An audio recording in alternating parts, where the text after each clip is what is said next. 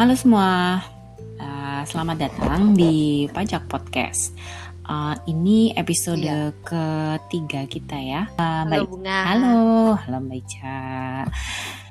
Halo, ah, nah Mbak Ica hari ini kan kita uh, di episode ketiga ini kita mau bahas mengenai iya. uh, omnibus law gitu ya, yang selama ini iya. heboh banget kita dengar di mana-mana nih. Nah, um, uh, aku mau cerita sedikit Boleh. dulu kali ya sebagai pembuka hmm. untuk si omnibus law ini.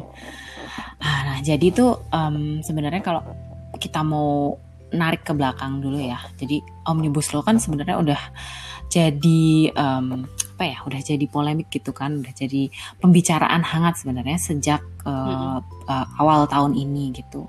Dan ini sebenarnya menarik banget karena um, meskipun di, di, di, dibayangi oleh polemik itu omnibus law itu uh, tanggal 6 Oktober 2020 kemarin itu akhirnya disahkan. Nah, um, yang bikin agak kaget juga itu adalah tadinya omnibus law itu kan ada dua macam nih, ada cipta kerja uh, dan yang satunya itu adalah omnibus law perpajakan. Tetapi uh, pada kenyataannya kemarin tanggal 6 Oktober itu akhirnya ternyata keduanya jadi omnibus law cipta kerja dan juga yang perpajakan itu akhirnya hmm. ternyata jadi satu gitu ya kan yang mm, yang tadinya perpajakan tuh mau sendiri disahkan sendiri sebagai omnibus law ini ternyata kemudian masuk ke uh, omnibus okay. law cipta kerja gitu nah mungkin um, orang jadi bertanya-tanya ya kenapa sih sebenarnya omnibus law itu bisa mencakup berbagai macam hal termasuk terus kemudian mencakup perpajakan ini juga gitu.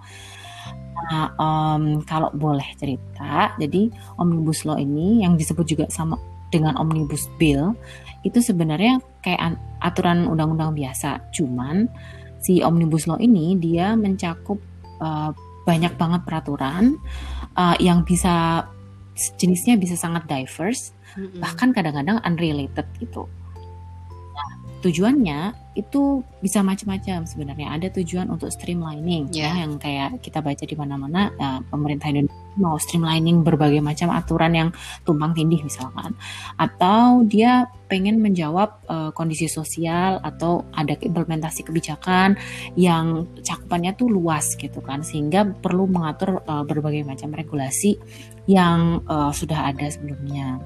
Nah contohnya itu kayak misalnya di Irlandia nih um, di sana tuh mereka sedang menyiapkan yang namanya omnibus bill untuk emergency laws kalau misalkan terjadi yang hmm. namanya uh, Brexit ya atau Brexit exit hmm. itu dari EU. Nah itu mereka nyiapin tuh. Nah isinya itu benar-benar diverse dari mulai regulasi, dari mulai bus service uh, sampai health service, ada perpajakan, ada macam-macam deh gitu isinya di dalam situ. Nah um, itu tujuannya untuk memberikan kepastian regulasi karena perubahan perubahan regulasi yang pasti akan muncul uh, karena Brexit itu gitu. Jadi dia kayak memberikan kepastian gitu loh kalau peraturannya okay. ini nggak akan berubah terlalu jauh. Nah terus uh, selain Irlandia itu sebenarnya negara-negara lain itu juga menggunakan seperti misalkan di Kanada dia punya Greenhouse Gas Pollution -hmm. Act yang juga omnibus bill gitu sama yang di New Zealand tuh juga ada Trans-Pacific Partnership itu juga omnibus bill. Kemudian kalau di US uh, di US itu cukup populer kalau di US ya omnibus bill ini. Ada beberapa di negara bagian juga beberapa okay. kali dipakai omnibus bill ini. Nah jadi sebenarnya udah uh, jelas ya kenapa kok si omnibus bill ini mungkin banget gitu ya ber, punya berbagai isu untuk uh, mendukung atau streamlining sebuah kebijakan tertentu. Nah, balik lagi ke omnibus law-nya kita di Indonesia, um, klaster perpajakan tuh terus akhirnya ditambahkan ke omnibus law cipta kerja. Alasannya karena pemerintah itu sudah di awal tahun 2020 karena ada COVID ini ya, pemerintah tuh sebenarnya -hmm. sudah menetapkan sebagian substitusi eh, substansi dari RUU Omnibus Law Perpajakan itu ke dalam uh, Undang-Undang Nomor 2 tahun mm -hmm. 2020 gitu yang yang menanggapi uh, apa namanya pandemi Covid ini. Jadi menanggapi uh, apa kebijakan perpajakan untuk pandemi Covid ini yang salah satunya tuh um, mengubah tarif okay. pajak badan itu. Tuh, Mbak. Nah, makanya terus kemudian kalau kita lihat uh, Omnibus Law Cipta Kerja ini, di klaster perpajakannya itu isinya sebenarnya semua hal yang sudah ada sebenarnya di Omnibus Law per, eh, RUU Omnibus Law perpajakan kemarin. Um, kecuali yang uh, apa tuh namanya yang kemudian sudah disahkan mm -hmm. di Undang-Undang Nomor 2 itu. Nah, kalau kita lihat cipta kerjanya ini eh uh, Omnibus Law cipta kerjanya ini yang klaster perpajakan itu ada um, banyak banget aturan yang tercakup di situ yaitu uh, mm -hmm. terkait pajak penghasilan, ketentuan umum perpajakan, uh, PPN gitu ya, pajak pertambahan nilai dan mm -hmm. pajak penjualan atas barang mewah sama pajak daerah dan retribusi daerah. Jadi yes. banyak banyak uh, itu uh, berarti mengubah hampir semua hal gitu.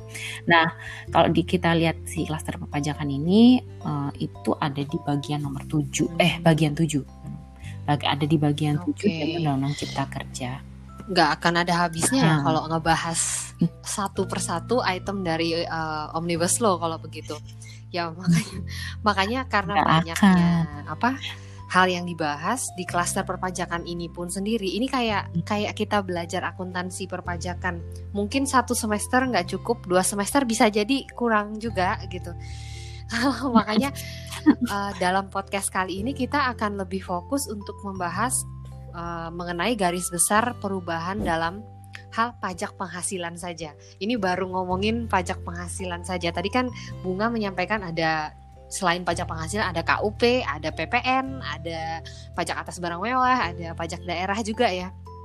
Nah, jadi kali ini kita uh, akan membahas fokus pada pajak penghasilannya aja. Nah, untuk pajak penghasilan ini sebenarnya kan dibahas di pasal 111 ya. Jadi ada beberapa hal dalam konteks pajak penghasilan itu yang berubah. Nah, yang pertama yang kita sorotin itu sebenarnya ada beberapa ketentuan dan definisi subjek pajak yang uh, sedikit diperjelas kalau menurut saya. Jadi pasal 2 ayat 4 hmm. tentang subjek pajak luar negeri ini dipertegas dan diubah. Kalau kita lihat Undang-Undang PPH nomor 36 tahun 2008 subjek pajak luar negeri atau kita singkat aja SPLN ya itu adalah orang pribadi yang tidak bertempat tinggal di Indonesia atau orang pribadi yang berada di Indonesia kurang dari 183 hari dalam satu tahun atau 12 bulan yang punya penghasilan atau memperoleh penghasilan dari kegiatan usaha melalui BUT atau di luar kegiatan usaha atau di luar BUT. Nah, kemudian hadirnya Omnibus Law ini kemudian memperjelas hal tersebut. Nah, di Omnibus Law ini dibedakanlah SPLN atas status kewarganegaraannya. Jadi tidak hanya melihat oh ini subjek pajak luar negeri, ini subjek pajak dalam negeri, tapi status kewarganegaraan objek pajak uh, subjek pajaknya dilihat apakah dia warga negara Indonesia hmm. atau warga negara asing. Nah, hmm. untuk subjek pajak luar negeri yang status kewarganegaraannya adalah warga negara asing atau warga negara atau NA ya kita singkatnya itu udah jelas ya mm-hmm. dia mm-hmm. dia berada di Indonesia tapi tidak lebih dari 183 hari selama kurun waktu 12 bulan. Nah, yang cukup baru di mm-hmm. Omnibus Law ini adalah soal WNI justru WNI-nya yang baru. Jadi hmm. untuk WNI yang berada di luar Indonesia lebih dari 183 hari selama kurun waktu 12 bulan dan memenuhi beberapa persyaratan seperti tempat tinggal, pusat kegiatan usaha, dan ada beberapa item lainnya nanti akan diatur dalam PMK tersendiri. Itu dia dikategorikan sebagai subjek pajak luar negeri. Nah, hmm, kemudian selain okay. uh, definisi subjek pajak uh, ada juga uh, objek pajak dan penghasilan kena pajak yang diatur di Omnibus Law. Nah, ada dua pasal yang diubah hmm. uh, untuk mengatur objek pajak uh, pajak penghasilan ini. Dua isu utama tersebut adalah objek pajak untuk subjek pajak dalam negeri warga negara asing dan objek pajak dividen serta hmm. penghasilan lain. Nah, kalau di Undang-Undang Nomor 36 Tahun 2008 ya, Undang-Undang PPH, ketentuan objek PPH warga negara asing yang sudah jadi subjek pajak dalam negeri itu kan dia disamakan perlakuannya dengan subjek pajak dalam negeri pada umumnya saja. Jadi kalau ada warga negara asing tinggal di Indonesia sudah uh, eligible untuk menjadi subjek pajak dalam negeri, ya sudah dia sama saja seperti subjek pajak dalam negeri WNI gitu. Nah, sedangkan di uh, Omnibus Law okay. ini agak sedikit berbeda. Jadi di pasal 4 ayat 1A sampai dengan ayat 1D itu mengatur mengenai uh, objek pajak penghasilan warga negara asing yang udah jadi subjek pajak dalam negeri. Jadi dalam pasal tersebut diatur bahwa hmm. uh, penghasilan yang menjadi objek pajak warga negara asing hanya yang diterima dari pekerjaan, dari jasa, dan kegiatan di Indonesia dan harus memenuhi syarat juga. Hmm. Itu pertama uh, si warga negara hmm. asing ini harus punya keahlian tertentu ya. Nah, yang kemudian apa sih keahlian tertentu hmm. ini nanti akan diatur lebih lanjut di PMK dan itu termasuk uh, tata cara pengenaannya. Kemudian uh, ini berlaku selama empat tahun dihitung sejak si WNA tersebut menjadi subjek pajak dalam negeri. Nah, tapi ketentuan ini hmm. nanti tidak akan berlaku bagi warga negara asing walaupun sudah jadi SPDN kalau uh, negara uh, dari warga negara asing tersebut ternyata punya perjanjian uh, P3B dengan Indonesia gitu. Nah, jadi lebih detail aja okay. dan lebih diperjelas aja kalau di Omnibus Law. Begitu Bunga. Eh, nah, yang isu kedua nih, Mbak Cat, tadi kan isu pertama udah nih SPD yeah. uh, WNA untuk WNA. Nah, yang kedua itu adalah mengenai uh, pengecualian objek pajak dalam bentuk dividen dan penghasilan lain dari uh, dalam negeri maupun luar negeri. Nah, kalau kita lihat pasal 4 ayat 3 hmm. F ya, 3F poin 1 sampai 10 itu um, kita bisa lihat uh, yang dimaksud dengan pengecualian objek pajak dalam bentuk dividen dan penghasilan lain itu kita bisa lihat di situ. Nah, kalau mau kita pisah-pisahkan nih sebenarnya uh, itu ada tiga macam dividen yang dikecualikan dari mm-hmm. objek pajak itu. Nah, tiga uh, yang pertama itu adalah dividen dari dalam negeri yang diterima mm-hmm. oleh WP Badan. Oke, jadi setiap kali ada dividen masuk nih dari yang diterima oleh WP Badan itu dikecualikan dari objek pajak. Yang kedua itu adalah dividen dari dalam negeri yang diterima oleh wajib pajak uh, orang pribadi dan diinvestasikan di wilayah Indonesia dengan jangka waktu tertentu. Jadi dividen yang diterima oleh eh dividen dari uh, dalam negeri gitu ya diterima oleh WPOP uh, dan kemudian dividen itu diinvestasikan lagi di wilayah Indonesia uh, dalam jangka waktu tertentu itu bisa dikecualikan hmm. dari objek pajak. Nah yang ketiga uh, kategori yang ketiga itu adalah dividen yang berasal dari luar negeri um, dan juga selain dividen itu juga penghasilan setelah pajak dari BUT di luar negeri yang diterima oleh wajib pajak dalam negeri jadi bisa OP ya. bisa juga badan ya dan diinvestis dan invest diinvestasikan lagi hmm. di Indonesia dengan jumlah minimal 30% dari penghasilan setelah pajak gitu kan itu bisa dikecualikan dari uh, hmm. objek pajak nah Uh, kemudian untuk dividen yang berasal dari perusahaan yang tidak melakukan perdagangan pada bursa efek ini harus diinvestasikan sebelum DJP menerbitkan surat ketetapan okay. pajak.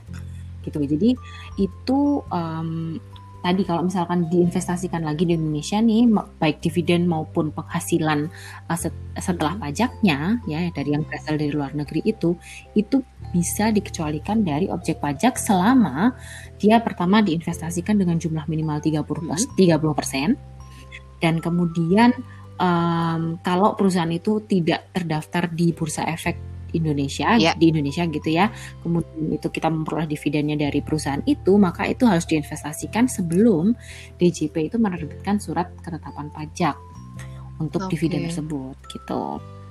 Nah kalau nih, kalau ini peraturannya agak-agak yeah. lumayan banyak nih tentang dividen ini. Ada ada uh, pengaturan lanjutannya yang bilang bahwa jika bagian yang diinvestasikan di Indonesia itu kurang dari 30%. Oke, jadi tadi kan harusnya 30% yeah. nih jumlahnya. Cuman kalau misalnya dia uh, si WP dalam negeri itu menginvestasikan kurang dari 30%, maka hanya jumlah yang diinvestasikan saja yang dikecualikan dari okay. objek pajak.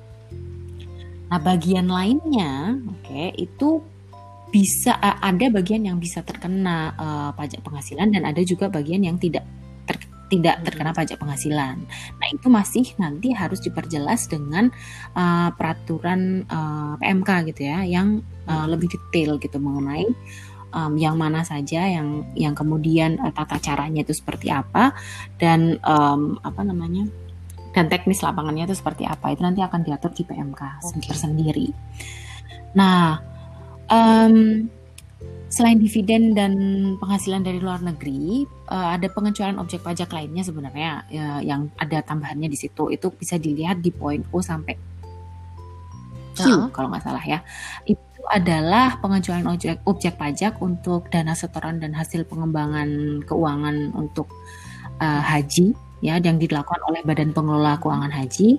Kemudian ada sisa lebih yang diterima oleh lembaga sosial kalau dia investasikan ulang di Indonesia itu dia bisa uh, dikecualikan dari objek ojek pajak. Kemudian yang ketiga itu adalah keuntungan karena pengalihan harta uh, uh, apa selama kemudian itu pengalihan harta tersebut itu untuk uh, diinvestasikan ke dalam perseroan terbatas dalam negeri oh, gitu. Oke. Okay gitu Jadi ada tambahan lagi nih penghasilan uh, ob, ya apa namanya pengecualian objek pajaknya ada ada iya. tambahan lagi gitu. Tapi sebenarnya yang paling banyak tadi peng, apa kalau kita lihat jumlah pasalnya itu paling banyak yang membahas mengenai dividen dan penghasilan uh, hmm. lainnya itu tadi. Okay. Berarti kalau uh, kita simpulkan undang-undang uh, Omnibus Cipta Kerja ini kalau dilihat dari sisi klaster perpajakan saja jadi ada mungkin kalau boleh disimpulkan ada dua kali ya. Pertama, investasi maupun uh, funding yang berasal dari luar negeri memang sangat di encourage ya, sangat didorong gitu. Mm -hmm. Terlihat dari ah, pengecuali pengecualian objek pajak tadi atas dividen dan penghasilan setelah pajak yang berasal dari luar negeri ya, yang bunga sampaikan tadi. Nah, yang kedua, pekerja-pekerja uh, warga negara asing juga sepertinya akan diberikan kemudahan gitu dalam melaksanakan perpajakannya ketika dia sudah menjadi subjek pajak dalam negeri. Ya meski selama empat tahun ya. Nah, selain itu kalau kita lihat lebih jauh, kita analisis lebih lanjut, posisi warga negara asing uh, subjek pajak dalam negeri yang objek pajak penghasilannya hanya atas penghasilan dari Indonesia serta dividen dan penghasilan pajak dari luar negeri yang sebagiannya itu malah juga dibebaskan dari pajak penghasilan. Ini sebenarnya sedikit banyak tuh memperlihatkan ke kita bahwa uh, ada kecenderungan untuk beralih dari worldwide worldwide income untuk subjek pajak dalam negeri. Yang yang mana sebelumnya kan ada penggabungan usaha kita kan uh, perpajakan Indonesia lebih condong ke penggabungan penghasilan ya dari baik penghasilan hmm. dari luar negeri maupun dari dalam negeri. Yang sekarang tuh kayaknya lebih condong hmm. untuk beralih ke territorial income yaitu penghasilan yang bersumber dari suatu teritori teritori atau daerah Indonesia saja yang akan jadi objek pajak gitu. Nah, meskipun mungkin ini tidak akan sepenuhnya diterapkan ya, ya karena masih ada banyak persyaratan dan pembatasan yang tentunya pasti akan diterapkan nanti. Tapi perubahan ini sepertinya uh, cukup signifikan berpengaruh uh, pada prinsip perpajakan yang akan dianut oleh Indonesia ke depannya gitu karena banyak sekali detil-detil yang dipertegas, diperjelas, mungkin ada yang ditambah dan dikurang dan satu lagi sih ini hmm. akan mempengaruhi uh, pendidikan akuntansi perpajakan di Indonesia kalau menurut saya. Iya, iya modul modulnya berubah, berubah silabus berubah, tata cara mengajar juga akan berubah sepertinya ya. Iya, ya, betul.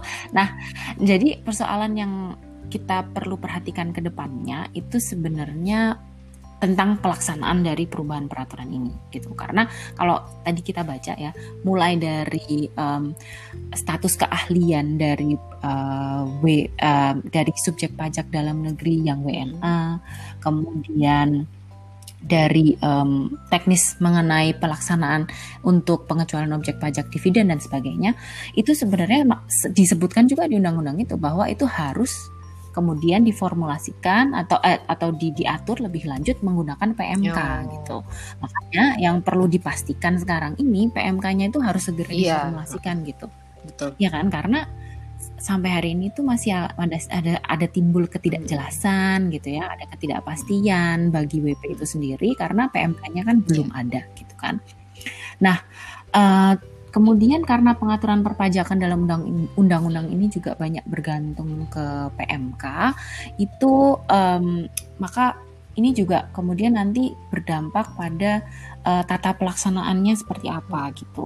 Kita nggak cuma bicara masalah nanti ini jelasnya ini siapa aja yang boleh uh, apa namanya um, siapa aja yang boleh terus kemudian ketentuan-ketentuan yang lebih rinci lagi hmm. apa bukan cuma itu aja tapi nanti juga pelaksanaan di lapangannya hmm. seperti apa gitu untuk bisa mengajukan semua hal itu gitu untuk bisa mengajukan, mengajukan pengecualian objek pajak dan sebagainya. Yeah. Benar. Dan ini baru kita baru ngomongin pajak iya. penghasilan yeah. loh ya.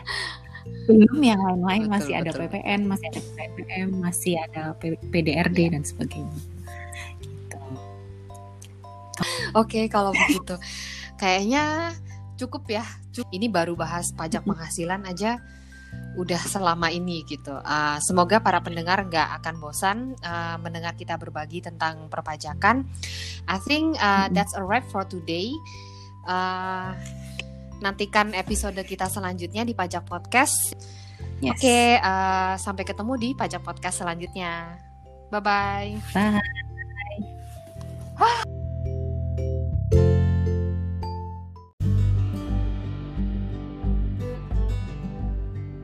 Halo semua, selamat datang di Pajak Podcast. Uh, seperti biasa, kali ini bersama saya Ica dan ada Bunga juga. Halo, Halo.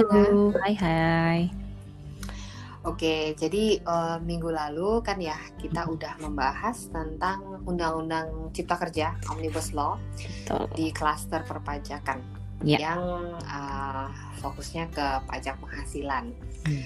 Nah, minggu ini kita masih uh, mau mengulas seputar Undang-Undang Cipta Kerja, klaster hmm. perpajakan juga, hmm. namun fokusnya sekarang di KUP, hmm. yaitu uh, ketentuan umum dan tata cara perpajakan. Jadi uh, buat mungkin buat para pendengar yang udah pernah atau pernah udah pernah atau bahkan sudah pernah dengar atau belajar uh, pajak gitu ya hmm. lewat kuliah atau lewat brevet atau baca buku atau sekedar baca-baca uh, di internet ketentuan umum dan tata cara perpajakan ini kan diatur uh, di Undang-Undang Nomor 16 tahun 2009. Mm-hmm. Nah, KUP ini sebenarnya merupakan uh, salah satu hukum yang jenisnya hukum formal, hukum pajak yang jenisnya hukum formal, mm. yang isinya adalah prosedur uh, dan tata cara perpajakan di Indonesia, gitu. Nah, uh, mulai dari kewajiban wajib pajak, apa itu objek pajak, apa itu subjek pajak. Hmm. Kemudian ada objek pajak. Subjek pajak itu dia juga mengatur uh, orang pribadi, badan, sampai segala macam prosedur sampai dengan sanksi-sanksinya gitu. Oh. Jadi KUP ini tidak spesifik ke pajak apa, pajak apa yang sifat hukumnya sifat hukumnya adalah si hukum material gitu. Tapi hmm. dia lebih ke formal dan prosedur. Nah, balik lagi ke Undang-Undang Cipta Kerja atau Omnibus Law yang lagi uh, hangat dibicarakan kembali merefresh bahwa omnibus law uh, konsepnya adalah penggabungan secara resmi atau amandemen dari beberapa peraturan perundang-undangan menjadi satu bentuk undang-undang baru. Hmm. Jadi bunga bunga sempat uh, sampaikan di podcast kita minggu lalu persis sebelumnya. Jadi tujuannya adalah selain penggabungan itu juga untuk mengatasi adanya tumpang tindih uh, regulasi. Nah, perpajakan itu termasuk di dalamnya. Hmm, Jadi ada banyak sebenarnya pasal undang-undang KUP yang dirubah, uh, yang bila dilihat di undang-undang Cipta Kerja itu tidak hanya diubah tapi ditambah, ada juga yang dihapus. Hmm. Gitu. Nah, kali ini kita mau bahas beberapa yang mungkin penting untuk kita highlight ya. Hmm. Pertama, SPT tentang uh, surat pemberitahuan jadi di Undang-Undang KUP, secara garis besar sebenarnya kalau di Undang-Undang uh, eh, KUP nomor 16 tahun 2009, hmm. sanksi itu kalau terlambat atau kurang bayar itu rata-rata angkanya tuh paling tinggi 2% per bulan. Mm-hmm. dari dasar pengenaan pajaknya, dari mm-hmm. kurang bayarnya lah atau dari jumlah pajak yang terutang. Mm-hmm. Nah, di Undang-Undang Cipta Kerja itu tidak lagi spesifik uh, angkanya dua persen atau berapa persen gitu. Tapi diubah menjadi disesuaikan dengan tingkat atau tarif suku bunga acuan per bulan. Nah jadi kalau uh, ini yang pertama ya. Jadi kalau ada pembetulan SPT hmm. dan wajib pajak itu membetulkan sendiri dan di mana setelah ter, terjadi pembetulan tersebut ternyata utang pajaknya jadi lebih besar Okay. Jadi istilahnya kurang bayar ya dari hmm. sisi wajib pajak. Hmm. Sanksinya itu dikenakan tarif bunga per bulan hmm. yang ditetapkan Kemenq dihitung berdasarkan suku bunga acuan tadi. Mm-hmm. Nah, tapi nggak stop di situ. Ternyata ditambah lagi 5%. Oh. Kemudian dibagi 12. Nah, nanti hmm. itu berlaku sejak tanggal dimulainya perhitungan sanksi. Okay. Paling lama 24 bulan. Hmm. Misalnya nih ya, suku hmm. bunga hmm. tuh katakanlah 3%. Hmm. Kemudian nah itu 3% ditambah dulu sama 5%. Hmm. Dibagi 12. Dibagi 12. Nah, nanti dikalikan sama jumlah kurang bayar yang terhitung. Oh. Gitu. Berarti bisa bisa jadi lebih rendah daripada 2% dong ya? Sepertinya mostly akan seperti itu. Oke. Okay. Gitu. Nah, kemudian uh, kapan sih mulai um, perhitungan sanksinya? Itu dimulai sejak saat penyampaian SPT berakhir uh, sejak jatuh sejak jatuh tempo sampai tanggal pembayaran. Hmm. Nah, kalau sudah ada tindakan pemeriksaan dan ada pengungkapan ya dari dari WP tentang ketidakbenaran pengisian SPT yang hmm. berakibat kurang bayar ini, hmm. kalau kita mengacu ke KUP, hmm. uh, undang-undang KUP, hmm. sanksinya itu kan dulu 150% oh, iya dari jumlah kurang bayar ya kan ya. ya. Ini ini jadi inget banget karena tiap kali uh, kita baca-baca tentang sanksi-sanksi kalau kurang hmm. bayar tuh, ini angka 150% selalu muncul gitu. Hmm. Nah di Undang-Undang Cipta Kerja itu dirubah diganti hmm. jadi 100%, lebih rendah ya. Hmm, okay. Kemudian kalau jumlah kurang bayar ini hmm. tidak dilunasi sama WP hmm. sampai batas waktu yang tidak ditentukan, okay. uh, hmm. ada bunga, ada bunga lagi yang hmm. uh, dikenakan per bulan. Nah, bunganya ini ditetapkan oleh Menkyu Eh, lagi-lagi uh, ditetapkan oleh Kemenq di, di, dihitung berdasarkan suku bunga acuan juga mm-hmm. di bulan itu ditambahnya tapi bukan lima persen tapi 10%. Oh. Gitu. Jadi kalau sebelumnya ditambahnya lima persen karena terus ketemu oh ada kurang bayarnya nih gitu. Mm-hmm. Tapi ini kalau kurang bayarnya nggak dilunasi juga. Mm-hmm. Nah, sampai pada jatuh tempo mm-hmm. akan ditambah 10% dibagi 12 juga. Ini adalah salah satu yang ditambahkan di Undang-Undang Cipta Kerja mm. yang sebelumnya di KUP tidak ada. Oke. Okay. Hmm. Kemudian kalau uh, apa ya tadi ada proses pemeriksaan, kemudian ada pengungkapan hmm. ketidakbenaran dari SPT. Hmm. Itu kan biasanya DJP uh, eh, bisa mengeluarkan surat ketetapan pajak atau SKP. Oke, okay. iya benar. Nah, uh, kalau SKP belum keluar, terus uh, itu tadi kenanya adalah suku bunga acuan ditambah 10%. -hmm. Nah, tapi kalau udah belum melunasin tapi DJP sudah ngeluarin SKP hmm. yang which is adalah surat SKPKB yaitu surat hmm. ketetapan pajak kurang bayar hmm. dan enggak dilunasin juga. Hmm. Nah, nanti tarifnya persenannya adalah sama suku bunga acuan tapi ditambahnya 15%. 15%. Oh, nah, okay. sama dibagi 12 juga, ditagihnya paling lama nanti selama 24 bulan. Hmm. Ini juga ini juga baru penambahan. Hmm. Yang sebelumnya di undang-undang KUP nggak ada. Oh, okay. Nah, kemudian yang menarik lagi kalau uh, yang saya lihat hmm. di Undang-Undang KUP pasal 13A itu kan ada denda yang cukup tinggi ya. Hmm. Kalau kita baca itu yang dendanya sampai 200% itu loh. Hmm. Itu dikenakan kepada wajib pajak atas kealpaannya tidak menyampaikan SPT. Yeah karena alpa atau menyampaikan isinya nggak benar, nggak lengkap, mm -hmm. atau melampirkan keterangan tidak benar. Mm -hmm. Sanksinya kan biasanya 200%. Ini dihapus. Oke. Okay. Gitu. Kalau dilakukan pertama kali itu. Oke, nah ini kalau misalkan kita baca lebih lanjut lagi itu ada beberapa perubahan juga yang menyangkut tentang uh, surat tagihan pajak atau biasanya kita singkat dengan STP. Ya, iya. jadi kalau di Undang-Undang KUP itu biasanya STP ini diatur um, itu di pasal 14 ya kan dan um, di situ disebutkan di pasal 14 itu disebutkan bahwa DJP itu bisa mengeluarkan surat tagihan pajak ini atau STP ini kalau uh, ada beberapa poin-poin yang terpenuhi gitu ya.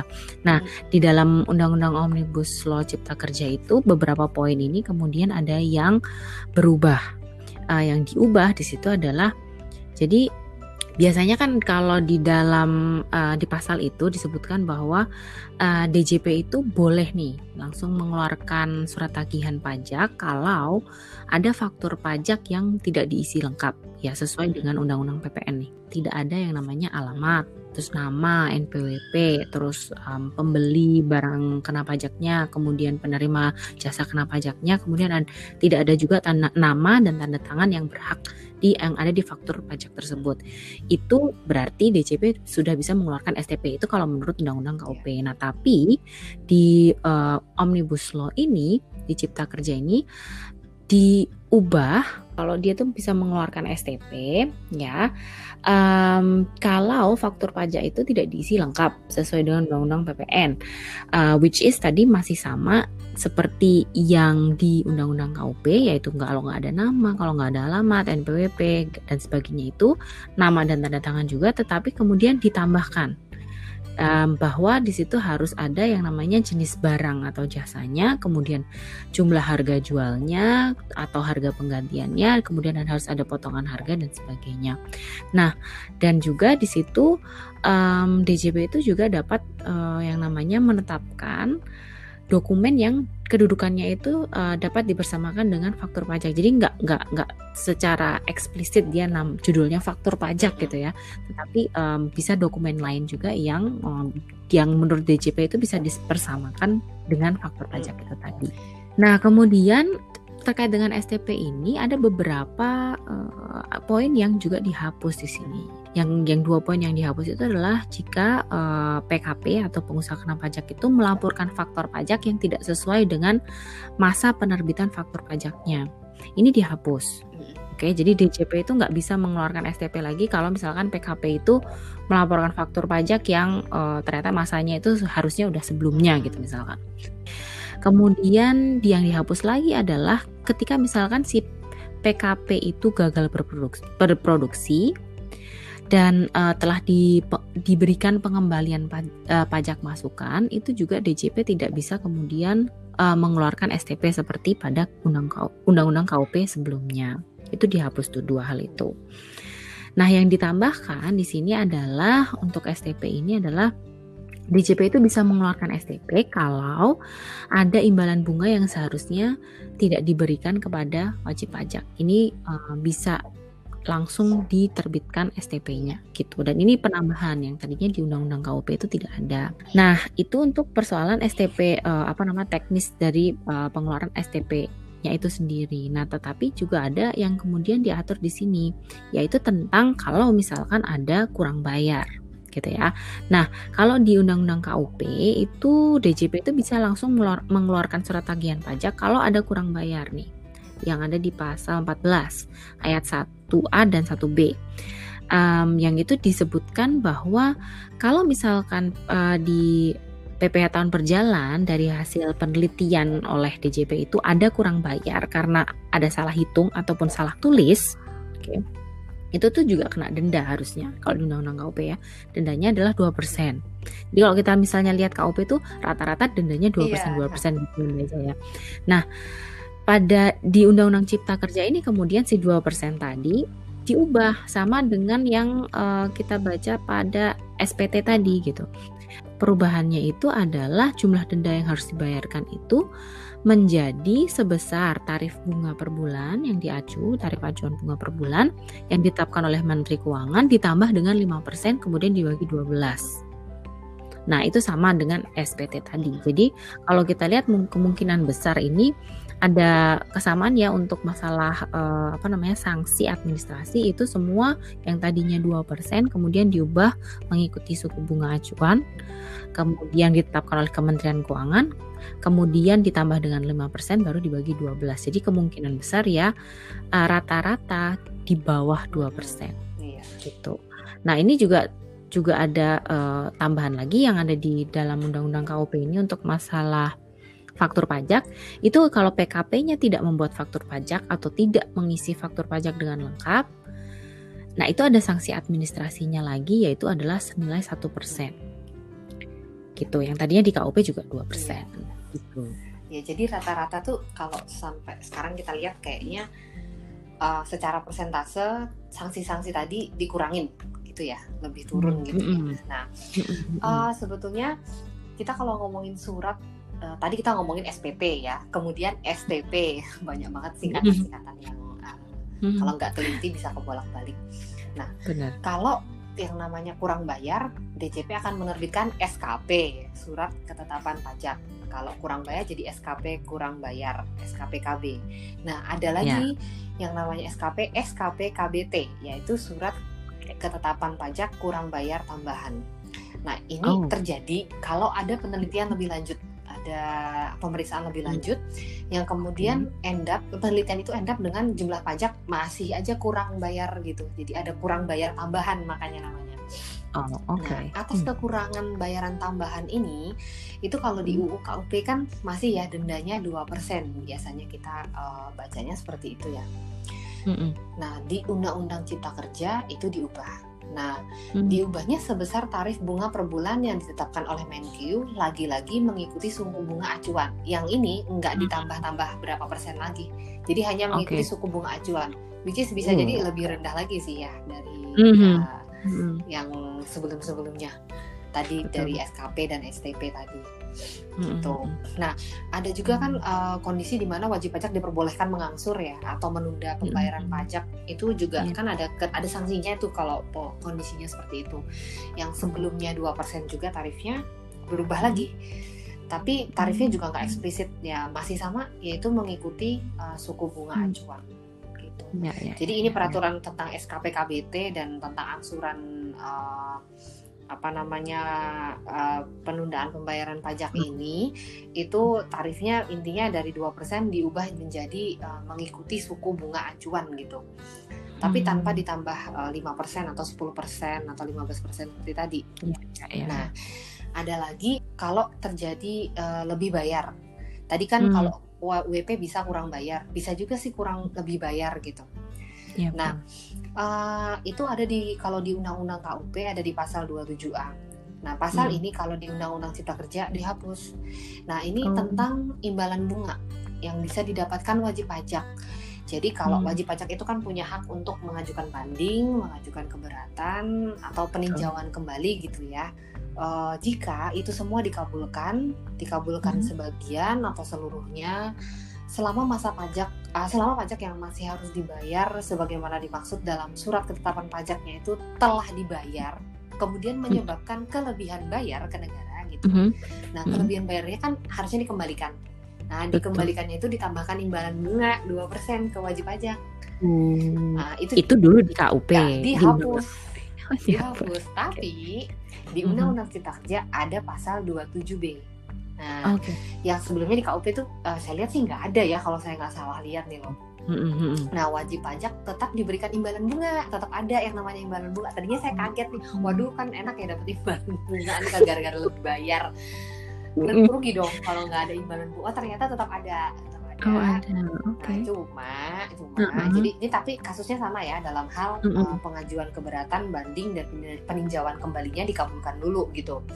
Oke. Okay. Cuma tidak flat 2% tadi, jumlahnya adalah jumlah yang disetujui oleh wajib pajak pada saat pembahasan hasil akhir pemeriksaan atas SPT-nya yang dinyatakan lebih bayar. Jadi atas oh. persetujuan WP gitu. Mm-hmm. Dan jumlahnya pun uh, mm-hmm tidak lebih dari uh, jumlah lebih bayarnya itu gitu kan bisa jadi ya bunganya lebih besar dari yang lebih bayarnya oh ya tarif imbalan bunganya ada tapi nggak flat dua persen yaitu sesuai suku bunga lah sesuai suku oh. bunga acuan lagi dibagi 12 mm. tapi mm. jumlahnya okay. lah paling banyak sejumlah lebih bayarnya itu kemudian um, ada pasal terakhir ini yang uh, saya ulas uh, pasal 44B uh, jika ada permintaan penghentian penyidikan dari Kemenkyu bisa dihentikan penyidikan. Uh, kan penyidikan kalau udah berjalan kalau uh, dihentikan itu pasti ada prosesnya. Nah penyidikan itu bisa dihentikan tapi kalau wajib pajak itu juga udah lunas dulu kurang bayarnya. Plus sanksinya juga sudah lunas sebesar tiga kali jumlah pajak yang kurang bayar. Itu kalau di undang-undang cipta kerja. Nah hmm. lebih ringan sih kalau sebelumnya hmm. uh, penghentian penyidikan itu baru dihentikan kalau uh, jumlah sanksi adminnya udah terbayar uh, sebesar tiga kali jumlah pajak yang kurang oh. bayar. Gitu. Empat kali. Empat kali kalau di undang-undang KUP. Oh iya. Nah di undang-undang omnibus law ini di undang-undang cipta kerja itu sebesar tiga kali. Ya, jadi kalau misalnya bisa kita simpulkan ya dari yang sudah kita bahas mengenai KUP ini, yang kita dari tadi uh, muncul itu adalah bahwa dari sanksi administrasi yang ditetapkan itu atau bunga apa pun yang kemudian muncul di di hmm. dalam pembahasan di KUP ini ini selalu uh, mengacu pada yang namanya uh, bunga acuan atau tarif acuan yang nanti akan ditetapkan oleh Menkyu. Kita nggak tahu berapa, gitu kan? Um, kalau kita bicara masalah tarif bunga, apa suku bunga acuan gitu kan kadang kepikirannya adalah yang biasa ditetapkan oleh BI gitu kan dan iya. itu rata-rata kayaknya kalau misalkan kemudian ditambah dengan 5%, kemudian dibagi 12, sepertinya nih sepertinya ya kita baru bisa hmm. memperkirakan kalau itu kayaknya akan lebih rendah daripada 2% yang biasa ditetapkan di dalam KUP secara flat itu tadi. Hmm. Itu yang pertama yang bisa kita simpulkan dari pembahasan ini. Yang kedua itu adalah ada uh, beberapa yang jumlah tarif ini diturunkan memang secara lebih eksplisit gitu. Misalkan dari 2% jadi satu persen. Dari empat kali pajak terutang jadi tiga kali pajak terutang. Jadi ada penurunan lagi gitu uh, dari sanksi-sanksi yang harus dibayarkan ini. Kemudian iya. di sisi lain sebenarnya ada imbalan bunga untuk BP yang awalnya flat 2% itu bisa berubah mengikuti suku bunga acuan. Hmm. Didiskusikan kemudian diterima oleh wajib pajak um, dan itu tidak boleh lebih besar dari uh, jumlah pajak terutangnya kan gitu. Betul. Nah, dari tiga kesimpulan yang sudah bisa kita buat ini berarti perubahan-perubahan yang ada di dalam uh, Omnibus Law Cipta Kerja ini untuk masalah KUP ini sebenarnya cukup signifikan. Tidak hanya prosedur formalnya saja yang berubah, tapi materialnya juga akan berubah. Dan um, ini nanti di tatanan perpajakan ini juga kemudian akan menimbulkan gejolak perubahan gitu ya. Di situ akan muncul misalkan apakah uh, kebijakan ini sudah cukup signifikan atau cukup baik gitu kan untuk uh, menunjang uh, cipta kerja ini tadi gitu kan kita membuat omnibus yeah. law ini kan untuk menggairahkan penciptaan lapangan kerja gitu. Tapi misalnya kita bahas yang minggu lalu sudah kita bahas itu kan tarif kan turun juga ya tarif um, tarif pajak badan itu turun. Kemudian kita lihat di sini sanksi-sanksi perpajakan itu juga turun. Nah, apakah dengan diturunkannya tarif-tarif tersebut kemudian bisa uh, mengencourage gitu kan investor-investor untuk lebih banyak berinvestasi di Indonesia kan itu pertanyaannya. Nah kemarin sih iya. banyak banyak perdebatan yang muncul ada yang bilang iya gitu kan.